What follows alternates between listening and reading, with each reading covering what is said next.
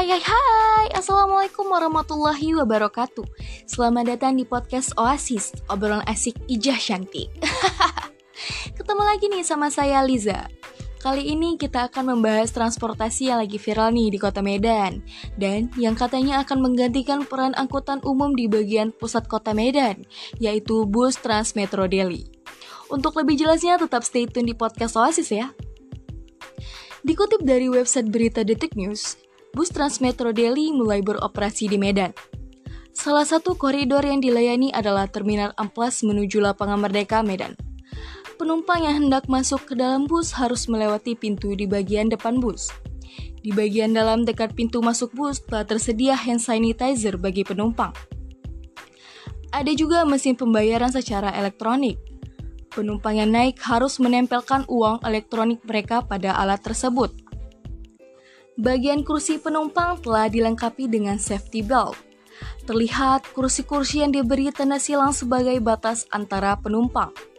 Ada juga kamera CCTV di dalam bus.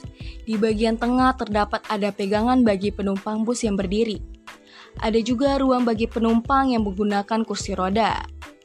Dan telah tersedia juga tempat sampah hingga alat pemadam api ringan atau APAR yang disediakan di dalam bus. Bus dari Terminal Ampas ini melintas di jalan sisi Mangaraja Medan menuju Lapangan Merdeka.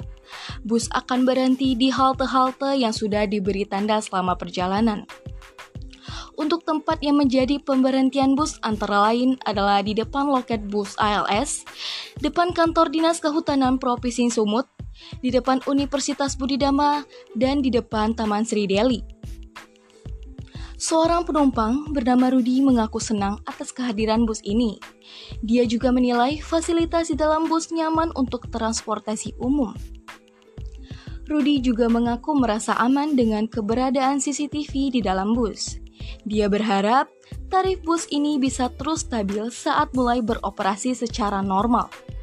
Selama proses uji coba hingga akhir Desember 2020, penumpang belum dikenai biaya alias gratis penumpang baru akan dikenai biaya sejak awal Januari 2020. Semoga dengan adanya bus Transmetro Delhi ini, kota Medan semakin jaya dan maju. Amin. Baiklah, kita sudahi pembahasan kali ini. Saya Liza pamit undur diri. Sampai jumpa di pembahasan lainnya. Dan tentunya tetap di podcast Oasis, obrolan asik ijah cantik. Terima kasih. Wassalamualaikum warahmatullahi wabarakatuh.